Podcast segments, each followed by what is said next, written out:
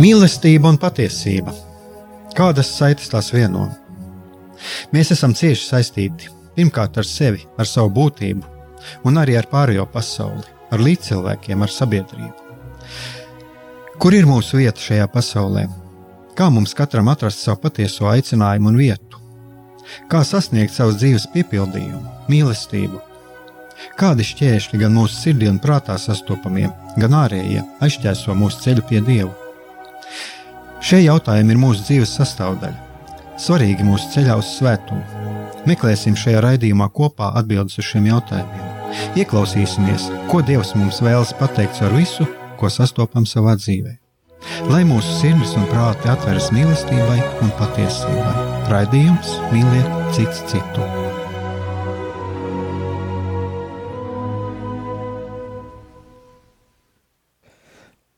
Lai top slavēts Jēzus Kristus, esiet sveicināti, darbie radioklausītāji. Šis ir raidījums Mīlēt citu citu. Studijā esmu es, Aigars Brikmanis, un šoreiz ir tā salīdzinoši retā reize, kad es esmu klātienē. Un šodien man nav viesis, bet šodien es gribu mazliet padalīties pats savās tādās pārdomās un vērojumos, jo mums arī tuvojas jau sezonas noslēgums. Uh, Un eh, par ko tad es esmu mm, centies runāt, un eh, ko es esmu vēlējies eh, nodot jums, darbie radioklausītāji, šajā raidījumā, gan iepriekšējās sezonās, gan, gan šajā sezonā. Un tā pārdomājot par to, Kas tad tas ir, kā mēs esmu centies šeit veltīt uh, to, to savus raidījumus? Un es izdarīju tādu vienu kopsavilkumu. Ko varētu ietvert šādos uh, vārdos, dzīvot savu dzīvi? Tā tad, uz ko es vēlos aicināt, tas ir dzīvot savu dzīvi. Un es domāju, ka mums būtu ļoti interesanti arī paskatīties katram savā dzīvē, un kas tad ir šī sava dzīve. Un man varbūt arī būtu interesanti, ko jūs domājat ar šo savu dzīvi, un, ko, un kā jūs domājat, ko es domāju ar šo dzīvot savu dzīvi. Un katrā ziņā tas nenozīmē, ka e, dzīvot savu dzīvi, kā es to saprotu, mm, tas nenozīmē noslēgties no pasaules. E, tas nenozīmē mm, noslēgties no apkārtējiem cilvēkiem, bet e, tas nozīmē būt kontaktā ar sevi. Un ja mēs skatāmies tādā, no tādas garīgās eh, skatu punkta, tas būt kontaktā ar Dievu, būt kontaktā ar Dievu manā dzīvē, būt kontaktā ar Dieva balsi, ar Dieva balsi, kas skan manā, manis paša dzīvē. Tātad dzīvot savu dzīvi. Un kāpēc es uh, tieši uh, to tā cenšos uzsvērt, šo dzīvot savu dzīvi, jo, jo Dievs mums ir devis šo savu dzīvi. Dievs mums ir devis, mums ir, Dievs mums ir radījis katru unikālu, katru atšķirīgu, uh, un Dievs mūs mīl katru tādu, kādi mēs esam, Un Dievs mums ir devis katram savu unikālo dzīvi, ar katram ar savu unikālo, ar saviem īpašajiem, unikālajiem aicinājumiem un ar savu pieredzi. Un kā tad ir ar to savu dzīvi? Un nākamais, ko es gribētu teikt, tas ir būt brīviem. Jo, ja mēs dzīvojam tiešām to savu dzīvi, dzīvojam savu dzīvi tādu, kā mums ir Dievs devis, uh, tad, eh, lai nebūtu arī tā, ka mēs pastāvīgi esam pakļauti kaut kādiem faktoriem, kaut kādiem blakus faktoriem, kuri mums traucē dzīvot savu dzīvi, kuri traucē mums ieraudzīt mūsu dzīves perspektīvas, un kuri galu galā traucē ieraudzīt arī dieva, dieva balsi, dieva darbību mūsu dzīvē.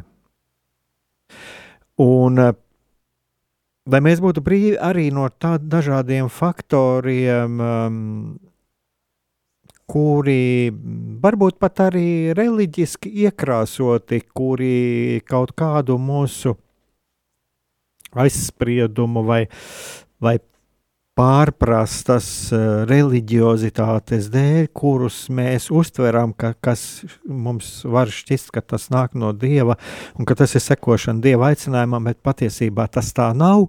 Un, uh, tas, ko mēs darām, it kā Dieva vārdā, patiesībā nav tas, ko mums, uz ko mūsu Dievs aicina, un, un realitātē tas mūs pat var attālināt no Dieva. Ja jūs atcerieties, arī mēs ar Jāni Jakobsonu pieskārāmies uh, pagājušā raidījumā, runājām par šīm lietām, kur uh, šķietami pareiza dzīve, pareiza garīga dzīve, ievērojot baušļus un tā tālāk, bet, eh, bet realitātē mēs neesam kontaktā ar Dievu un patiesībā mēs stāvam uz vietas vai pat atsevišķos gadījumos ar Dieva vārdu uz lūpām, re, reālajā dzīvē varam attālināties no Dieva.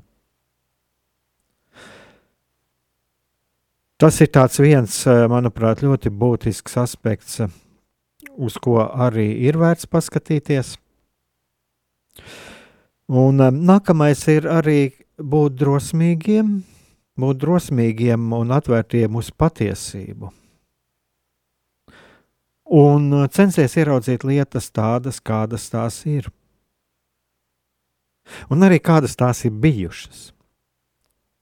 Kādas tās ir bijušas pagātnē, kādas tās ir un kādas tās ir šodien. Ieraudzīt uh, gan politikā, gan, gan vēsturē, gan arī atsevišķās situācijās, manis paša dzīvē un citu cilvēku dzīvēs, mm, ieraudzīt tās lietas, kur mēs eh, varam iesaistīties, kur mēs varam palīdzēt, kur mēs varam palīdzēt otram, varam palīdzēt, eh, atsevišķos gadījumos arī paši sev censtos, censties to visu ieraudzīt. Bet kas ir ļoti būtiski, censties ieraudzīt lietas tiešām tādas, kādas tās ir. Nevis tādas, kādas mēs viņus vēlētos ieraudzīt. Un kāpēc tas ir ļoti svarīgi? Tas ir ļoti svarīgi tāpēc, lai mēs būtu brīvi no manipulācijām, lai mēs būtu brīvi no dažādām um, gan sociāla rakstura, savstarpējo attiecību manipulācijām, gan arī brīvi no dažādām politiskām manipulācijām, kuras sevišķi bīstami ir tad, kad sāks spēlēt uz mūsu vērtību sistēmu un kad sāk izmantot mūsu vērtību sistēmu, sistēmu lai uzkurinātu mūsu emocijas un sāktu ar mums manipulēt. Tātad būt drosmīgiem un kādreiz arī būt gataviem ieraudzīt uh, apkārt notiekošo, ieraudzīt uh, tādā rakursā, kas neatbilst mūsu priekšstatam, un kas atsevišķos brīžos varbūt var arī mums šķist, ka izsita mums kaut kādu pamatu no kāju apakšas. Bet tas ir ļoti svarīgi, jo tas ir viens no būtiskiem ceļiem um, ceļā uz mūsu uh, viena no būtiskām lietām ceļā uz mūsu brīvību, arī kādreiz pazaudēt šo pamatu zem kājām, Uh, jo šis pamats būtu nepatiess. Tas var būt kaut kāds nepatiess priekšstats par to, kā pasaulē notiek procesi, uh, nepatiess priekšstats par to, kā, kas notiek manā dzīvē. Un uh, atsevišķos gadījumos var būt tas, ko mēs ieraugām, uh, kad mēs sākam tiešām meklēt patiesību, tas var mums izsīst pamatu no kāju apakšas. Mēs varam justies ļoti, ļoti, ļoti lielā diskomfortā, bet tas mums ir vajadzīgs. Tas ir tā kā, kā tāda šķīstojoša pārbaude, jo tikai tādā veidā, būdami arī gatavi attiekties no tā, kas uh, var izrādīties nepatiess, mēs varam atrast kaut kādu stingrāku pamatu, stingrāku pamatu, kas balstās tiešām uz kaut ko patiesu. Un eh, tas pats ir arī attiecībās ar citiem cilvēkiem. Ja mēs runājam par, par kaut kādiem politiskiem, sabiedrībā notiekošiem procesiem, tā ir viena lieta, bet otrs arī attiecībās ar cilvēkiem. Arī šeit mums ir jābūt brīviem no manipulācijām, un arī jāuzmanās, lai mēs paši kaut kādas pārprastas toka mīlestības vai kristīgas mīlestības dēļ, lai mēs paši nekļūstam par manipulētājiem. Mums jābūt tādiem, kuri e, dzīvo savu dzīvi, e, gatavi ieraudzīt arī to, uz ko Dievs aicina, e, manā dzīvē, bet mums ir jābūt arī spējīgiem dot šo brīvību pārējiem cilvēkiem, mūsu līdzcilvēkiem, un dzīvot viņiem, izvēlēties, izdarīt brīvi savas izvēles un iet ceļu, atrast eh, ceļu savā dzīvē. Jo otra cilvēka dzīvē ir svarīgi uh, nevis uh, bieži vien to, ko mēs redzam, bet gan tās aicinājums, tas labais aicinājums, ko viņai Dievs ielicis, un arī tās iespējas, kas viņam paverās.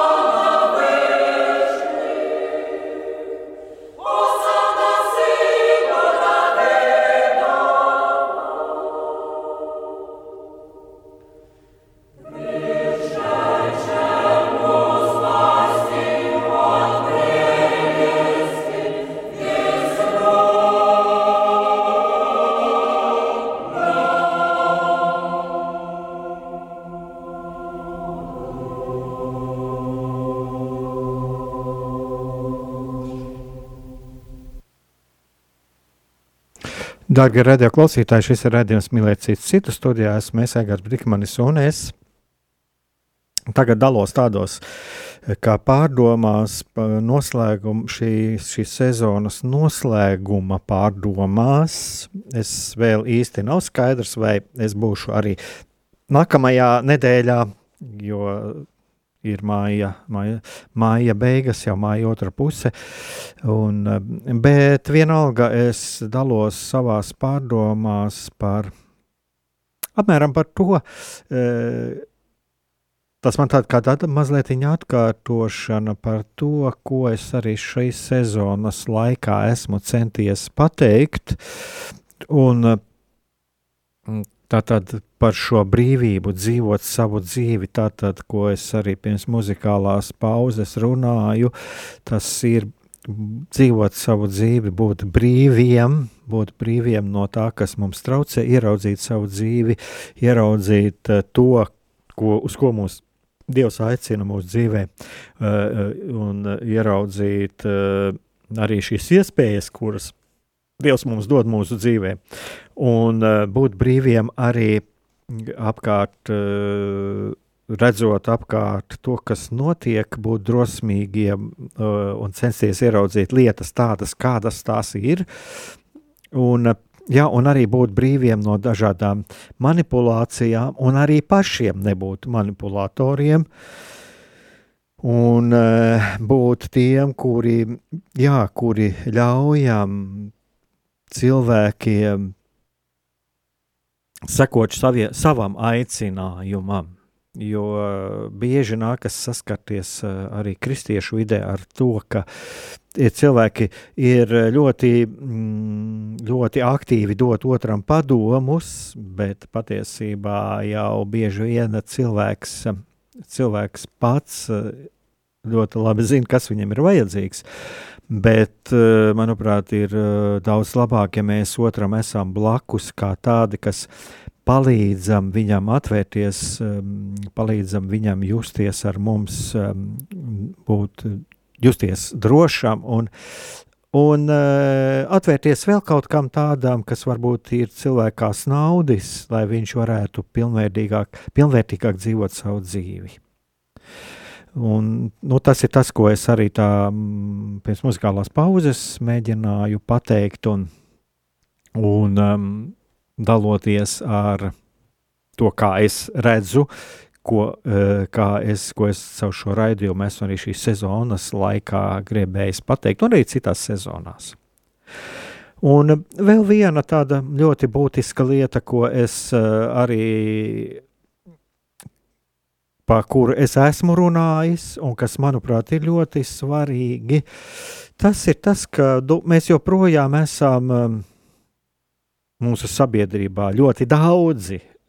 Es nerunāju par visiem, bet ļoti daudz mūsu sabiedrībā ir sašķelti par starp tās augtajiem konservatīviem un liberāļiem. Eh, lai gan patiesībā šis konservatīvs un liberāls ir, eh, nu, teiksim, godīgi, tas ir ļoti, ļoti, ļoti morāli neitrāli jēdzieni, un ja cilvēki godīgi um, neuzspiežot otram un spēj pamatot argumentu, argumentēti savu uh, konservatīvu vai liberālu viedokli un uh, nesaskata šī otrā pusē pretinieku, kuru vajadzētu apkarot, bet ir gatavi ieklausīties otras puses argumentos, tad es domāju, ka mums būtu viss kārtībā, jo tās ir tādas viedokļu nostādnes, kas tādā veselīgā sabiedrībā, viņas pat ir nepieciešamas, lai gan tas konservatīvais vai liberālais eh, palīdzētu ieskatīties vienai vai otrai pusē,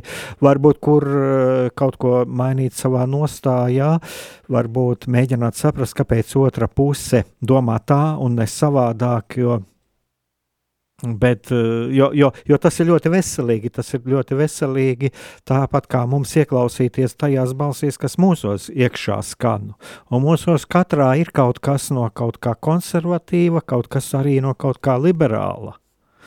Eh, tikai ir jāpaskatās, um, kas tas ir Un kāpēc mēs varbūt kādreiz kaut ko sevī apspiežam un mēģinam arī otru paskatīties nevis uz kā uz cilvēku, kurā varbūt viņa, mēģināt viņa argumentos ieklausīties, bet, bet tiešām arī saprast. Protams, ka šajos gadījumos arī ir jāmēģi, jābūt mums ļoti piesardzīgiem, jo ir tomēr jāredz arī, vai šis cilvēks šo savu viedokli nemēģina tiešām ar, ar um, uzspiest, tad tur nekāda saruna nav iespējama, vai arī varbūt tur ir vienkārši kaut kāds ļoti, ļoti šaurs um, politisks mērķis, kur uh, lietojot šādus dažādus jēdzienus, kur cilvēkam ir vienīgā vēlme ir panākt kaut kādu šauru politisku mērķi, kas nebūtu neatbilst arī sabiedrības interesēm. Bet uh, atgriežoties pie tā, jā, manuprāt, ir ļoti svarīgi, ja mēs uzskatām. Es šos iedzienus pamatā nelietoju, cenšos izvairīties, jo viņi tiešām ir tā politizēti, bet um, varbūt mēģināt ieklausīties, jā, kāpēc viena vai otra puse um, domā tā, un, un kāpēc ir šāds viedoklis, kāpēc pastāv šāds konservatīvs viedoklis, tā nosacītie, vai, vai šāds liberāls. Jā. Lai gan es atzīstu, mūsu laikos par to ļoti grūti runāt, jo šie jēdzieni ir, iek, iek, diemžēl, iekļauti tādos ļoti šauros un bieži vien ļoti agresīvos rāmjos un cietokšņos. Tas ir tas, par ko Tas ir tas, par ko es arī esmu mēģinājis, mēģinājis runāt gan šajā sezonā, gan arī iepriekšējās, un esmu aicinājis arī dažādus cilvēkus, kas arī, kas arī komentē šos politiskos procesus, un to var arī arhīvā atrast, un, un ko es esmu jāsaskatījis eh, šo pamatu vienu arī no šiem mērķiem, ko ko mēs varētu darīt, jā, arī, arī caur radio un es caur savu raidījumu, ka jā, mēģināt veic, veicināt, veicināt izpratni par procesiem, par procesiem, kas notiek sabiedrībā, paskatoties arī vienā, vienas puses viedoklī un otras puses viedoklī, jo es pats personīgi lasu gan vienas puses rakstīto, uh, un arī otras puses rakstīto un mēģinu arī saprast šos argumentus. Tātad uzdot šo jautājumu, vai mēs arī mēģinām saprasties, un atkal atgriežas to pie tā, ko es esmu runāju pirms muzikālās pauzes, vai mums pietiek drosme mainīt savu viedokli, ja, ja visi fakti, visi parāda, ka mans viedoklis kaut kur ir bijis maldīgs. Jā, vai es nedzīvoju kādreiz kaut kādu nedzīvu, nedzīvās viedokļa sienās, vai es nebūvēju cietokšņa sienas pret kaut ko svaigu, un uh, arī šai evaņģēlīja vēstī ir vajadzīgs svaigums, lai viņa varētu izplaukt un, un veiksmīgāk izplatīties. thank you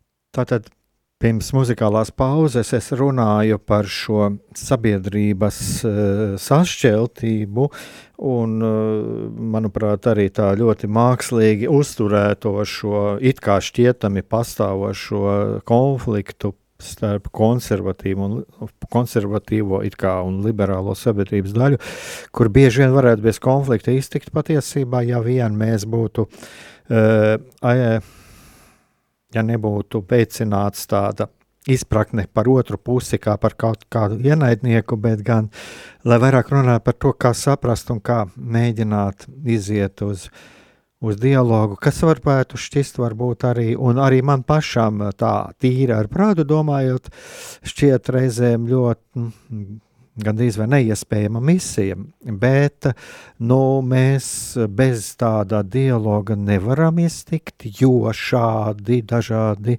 domājoši cilvēki, viņi būs un pastāvēs. Un lai Dievs pasargā no tā, ka paliek tikai kaut kāda viena puse, jo tas nozīmē, ka tā tad otra puse kaut kāda iemesla dēļ viņi ir apspiesti un viņi vienkārši klusē. Un tas jau izskatās jau pēc totalitārisma. Bet uh, īsta brīvība var būt tikai tur, kur mēs esam šajā savstarpējā dialogā. Bet uh, tajā pašā laikā mēs varam arī paskatīties uz savām cilvēciskajām attiecībām. Mēs paši, kā fiziskas personas, laulātie savā starpā, laulātie vecāki un bērni, uh, dažādos darba kolektīvos, baznīcā un kopienās, arī cik daudz mēs esam gatavi ieklausīties otrā un kādreiz apklusināt, apklust, mazliet paklusēt, lai nomierinās mūsu uzkurinātās emocijas, Un tad mēģināt uh, saprast, ko otrs mēģinājis pateikt, kas, kur ir šis uh, varbūt šajā otra cilvēka teiktajā ir kaut kāds uh, racionāls grauds, kaut kāds racionāls pamats.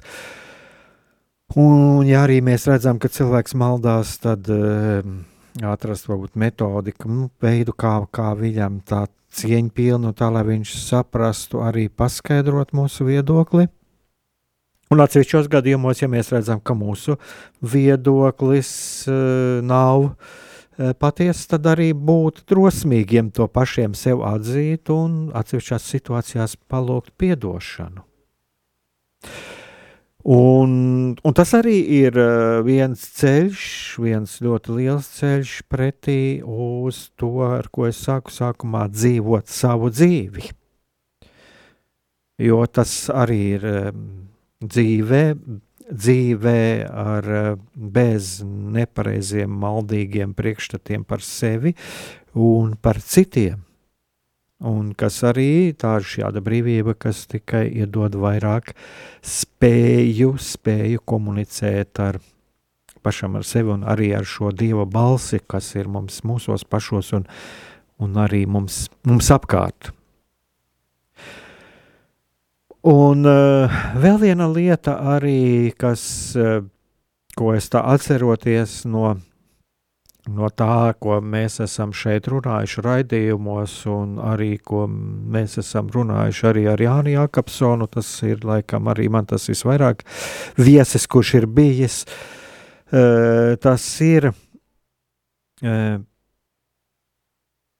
arī vēl viena brīvība, kura mums dod ieraudzīt iespējas šeit un tagad.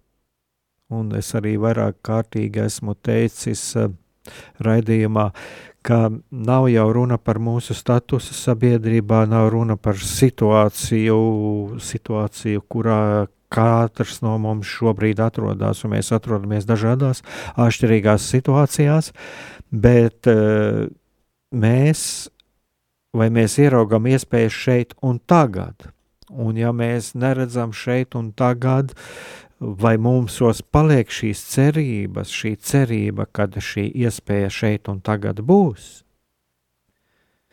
Jo reizēm ir tā, ka jā, mēs neredzam, mēs esam kaut kādā situācijā, bet, un mēs neredzam izēju, mēs neredzam izēju.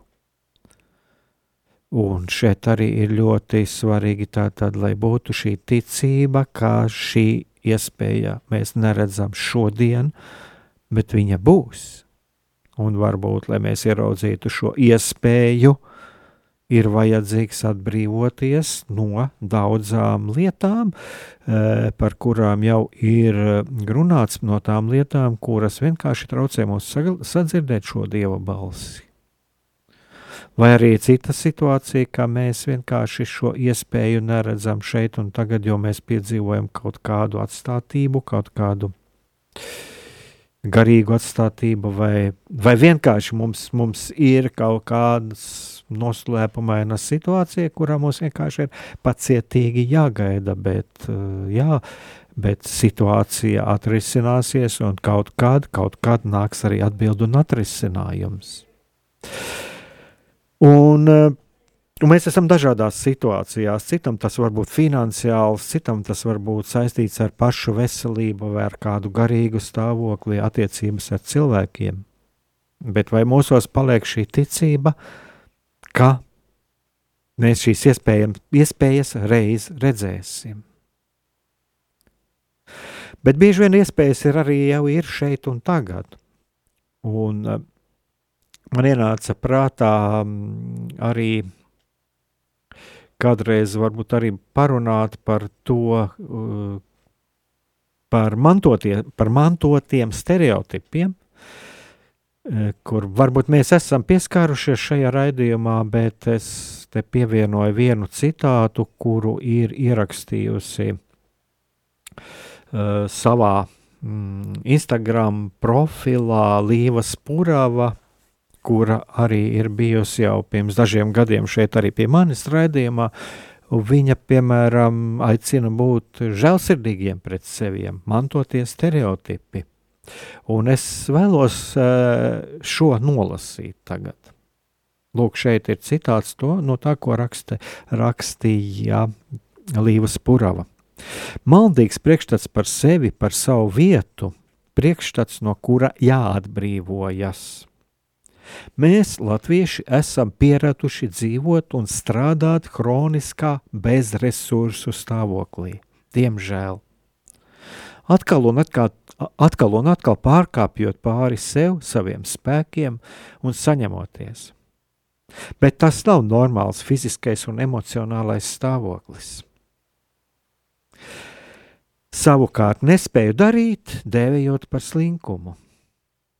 Tas, ka to esam redzējuši savos vecākos un neapzināti vai apzināti uzskatām par normu, nepar, nepadara to par normu.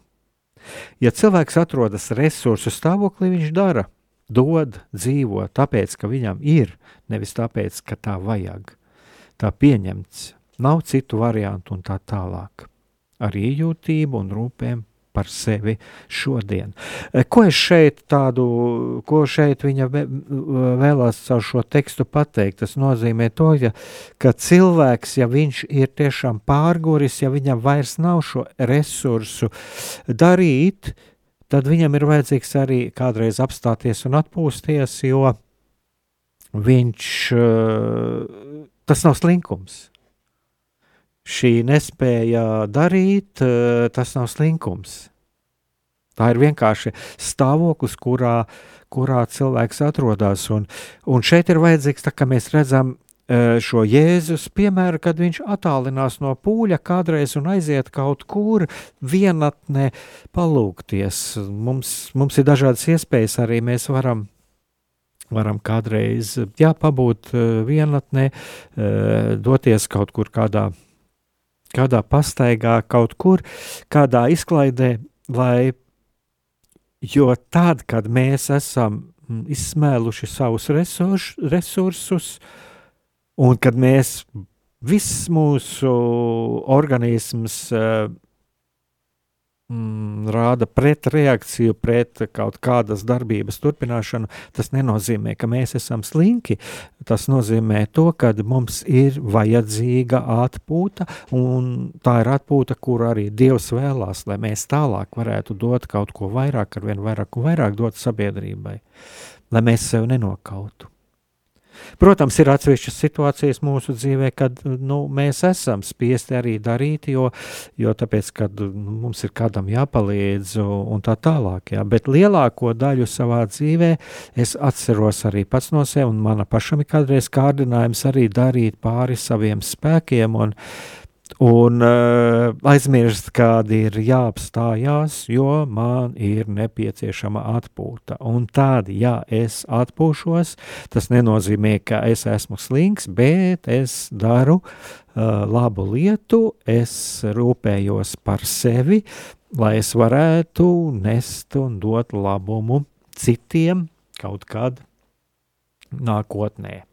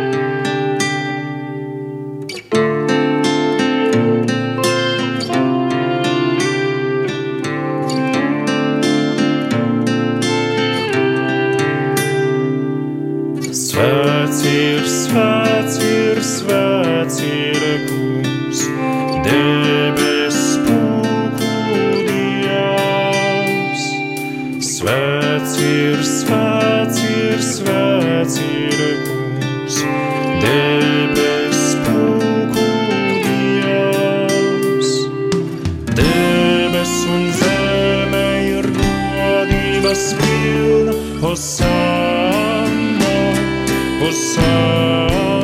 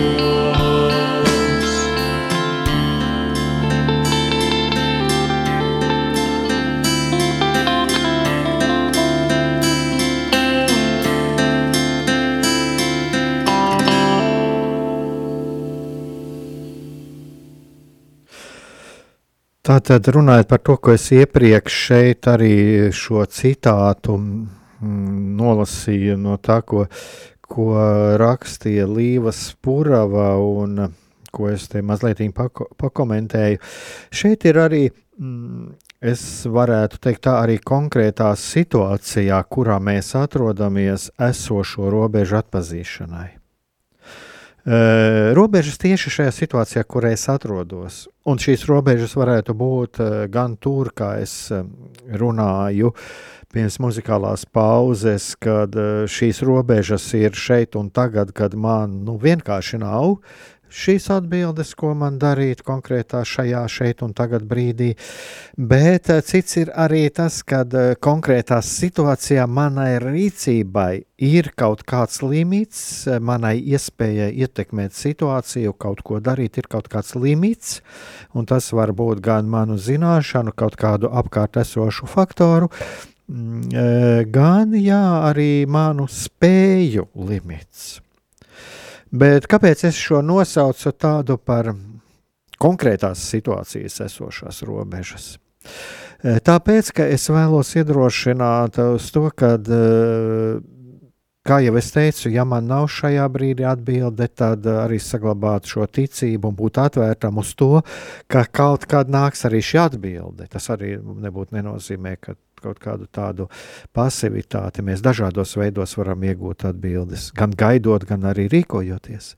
Bet katrā ziņā apzināties to, ka šīs robežas mums ir varbūt šajā konkrētajā situācijā, bet um, redzēt arī to, ka mēs šīs robežas varam paplašināt, lai mēs nepaliktu pasīvi un neteiktu sev, nu, ko es varu darīt. Tāds es esmu, tāda ir mana dzīve, vai, vai tāds ir mans liktenis. Nē, uh, tāds liktenis, nu, tas nav īsti arī tas, ko Dievs mums dod. Tas nav tas, ko Dievs mums ir ieplānojis. Jā, mēs esam eh, daudz, daudz vairāk savas dzīves saimnieki, eh, nekā bieži vien mums šķiet. Un eh, arī tas, ko Tagad atkal atgriežoties pie tā, jā, kad būtībā tas, ko es šodien runāju, tas arī tāds atskats uz to, ko es esmu mēģinājis runāt iepriekšējos raidījumos. Tad, kas tad ir vēl mūsu, kas mūs sasaista? Jā, jo būtībā šī brīvība un šī spēja uh, dzīvot savu dzīvi, uh, jo vairāk mēs atbrīvojamies no tā un kļūstam brīvāk no tā, kas mūs sasaista. Tas var būt, kā jau es teicu, kaut kādi nepareizi priekšstati par, par manu garīgumu, par uh, kaut kādi reliģiskās dzīves nevajadzīgi uh, sasaistījumi, ar ko mēs sasaistām, bet tas var būt arī kaut kādas negatīvās pieredzes, kuras mūs ir padarījušas nedrošus. Kaut kādi ievainojumi, negatīvās pieredzes, kuras um, rada mums nepareizus priekšstatus par dzīvi, par iespējām un tā tālāk, kuras liek mums darboties kaut, kādās, um, kaut kādiem iekšējiem konspirologiem, kuri mums veido nekādus faktos un pierādījumos nepierādītus, dažādas konspirācija teorijas, kas it kā var notikt manā dzīvē. Man bija tāda ļoti skaista pieredze vērtīga pieredze arī vakar.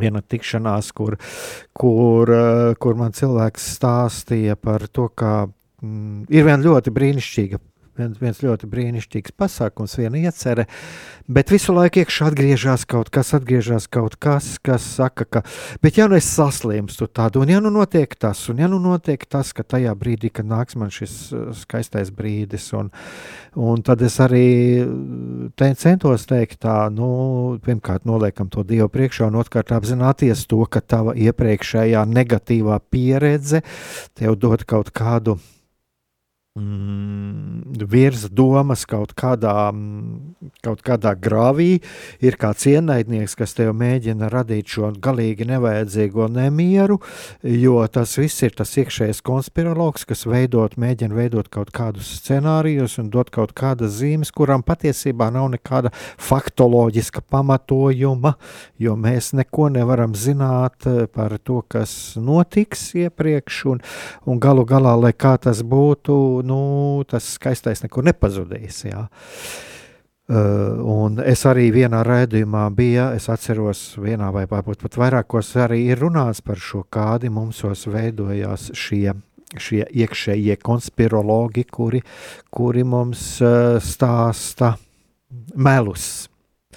Lai gan patiesībā mēs esam atkal, kā jau es teicu, mēs paši esam daudz vairāk savas, savu iespēju un savu dzīvi saimnieki, nekā mēs, mēs to iedomājamies. Un nākamais, ko es vēlu, vēlos uh, pateikt, uh, kas arī ir saistīts ar, arī ar vakardienu, tas ir arī ar vakardienas vienu tikšanos, tas ir um, brīvība no citu viedokļiem. Jo mēs bieži vien saskaramies gan savā dzīvē, gan arī mm, dzirdam liecības no citiem, ka nu, cilvēki ir ļoti aktīvi reizēm pamācīt, kā otram pareizi dzīvot, un sākot ar profesijas, eh, profesijas izvēlēm, un beidzot ar to, ko kuram būs laulāties. Un...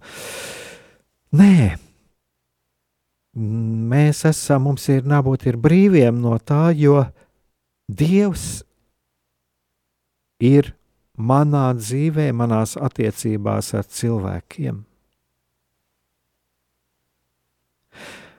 Un Dievs ir tieši, ja es esmu ar veidoju attiecības otru cilvēku, tad tās ir manas attiecības ar šo otru cilvēku.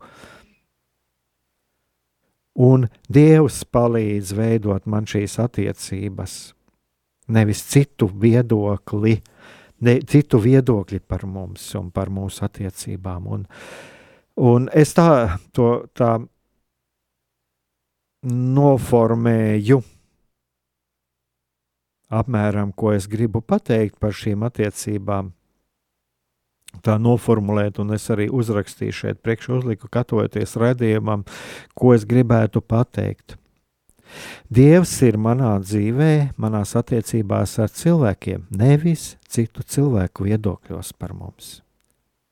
Citu cilvēku viedokļos Dieva nav tur, kur es pēc būtības esmu izvēlējies labu ceļu, kas mani stiprina, kas mani pilnveido, kur es izvēlējies attiecības ar otru cilvēku, izvēlējies savas, attieci, savu dzīves ceļu, tur ir Dieva klātbūtne. Dieva klātbūtne ir tur.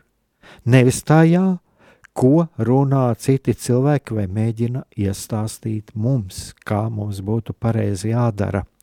Un cik ļoti bieži arī nākas kādreiz iedrošināt cilvēkus no tā, ka ieklausīties, ko Dievs saka man, ko Dievs saka man, un uh, būt brīviem no tā, ko citi cilvēki teiks par to, ka es darīšu tā, vai es veidošu savu dzīvi tā. Nē, Dievs ir tieši šeit un tagad, tur, kur es veidoju pēc būtības savu dzīvi, tā, ka viņa man ir eh, piepildīta, jēgpilna, eh, kad es veidoju dzīvi tā, kad es jūtos, kad mani paceļ, ka mani paceļ un piepilda ar kaut ko labu, ar kaut ko svētīgu, ar kaut ko vērtīgu, kur es sajūtu savas dzīves piepildījumu. Un tāpēc es arī, darbie radioklausītāji, aicinātu arī būt drosmīgiem un paskatīties, kas ir tas labais manā dzīvē. Un eh, būt brīviem no tā, ko citi padomās par to, ko es darīšu. Vienalga, vai tie ir eh, ģimenē, vai tie ir kādā darba kolektīvā, vai pat kādā draudzē un kristīgā kopienā. Ja es esmu izvēlējies ceļu, kas pēc būtības mani iepriecina, kas mani, kur es sajūtu, kas mani paceļ, kas man pēkšņi ir iedevis dzīvē jēgu, un kas pēc būtības ir arī pēc visām, pēc visiem baznīcas kanoniem, pēc baušļiem, kas pēc būtības ir labs tad šeit arī ir Dieva klātbūtne. Un to es arī vēlos noslēdzot šodienas raidījumu, pateikt, ka būsim drosmīgi un jā, ieklausīsimies un, un, un mēģināsim saskatīt, kur šajā brīdī, kur ir šeit un tagad, kur ir Dievs. Varbūt Dievs ir šajā klusumā, kad es arī nedzirdu atbildi savai dzīvei, bet varbūt kaut kur ir Dievs, kurš gaida, kurš gaida, kurš ir blakus arī šajā manā klusumā, varbūt arī manā izmisumā.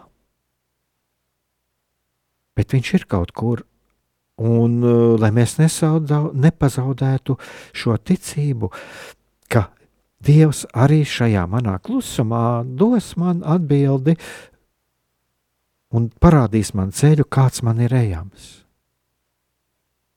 Un arī kādā citā situācijā varbūt paskatīsimies arī, kas ir tas, kas man traucē ieraudzīt, ieraudzīt savas iespējas, kas man traucē ieraudzīt tos, ko Dievs man aicina, ar ko Dievs mani mēģina pacelt, padarīt manu dzīvi jēgpilnu un pilnvērtīgu. Kas tas ir, no kā, kā mums ir jāatbrīvojas?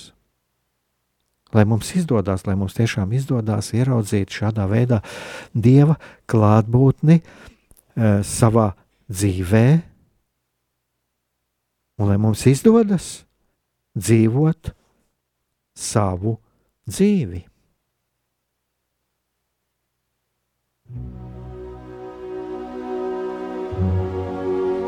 Mīlestība un patiesība.